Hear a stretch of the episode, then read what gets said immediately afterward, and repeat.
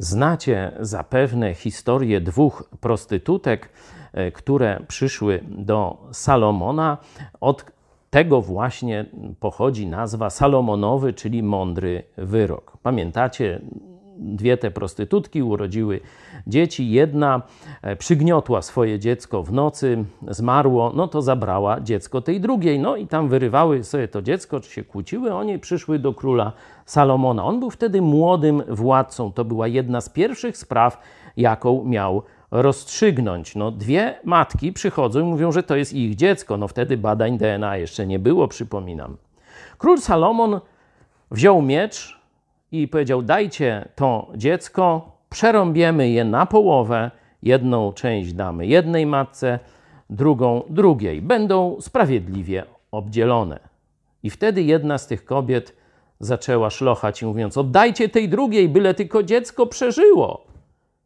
On powiedział: To jest matka tego dziecka. Wszyscy znamy tę historię. No tak może niepotrzebnie ją przypominałem, ale warto o niej sobie przeczytać. Pierwsza Księga Królewska, trzeci rozdział. Ale ja chcę pokazać skutek tej historii. 28 werset. A gdy wszyscy Izraelici dowiedzieli się o tym wyroku, jaki wydał król Salomon, nabrali szacunku dla króla. Widzieli bowiem, że jest w nim mądrość Boża do wymierzania sprawiedliwości. Zobaczcie, 13 rozdział listu do Rzymian. Podstawowa misja władzy państwowej wymierzać obywatelom sprawiedliwość. Jeśli władza będzie to robić, będzie miała szacunek ludzi.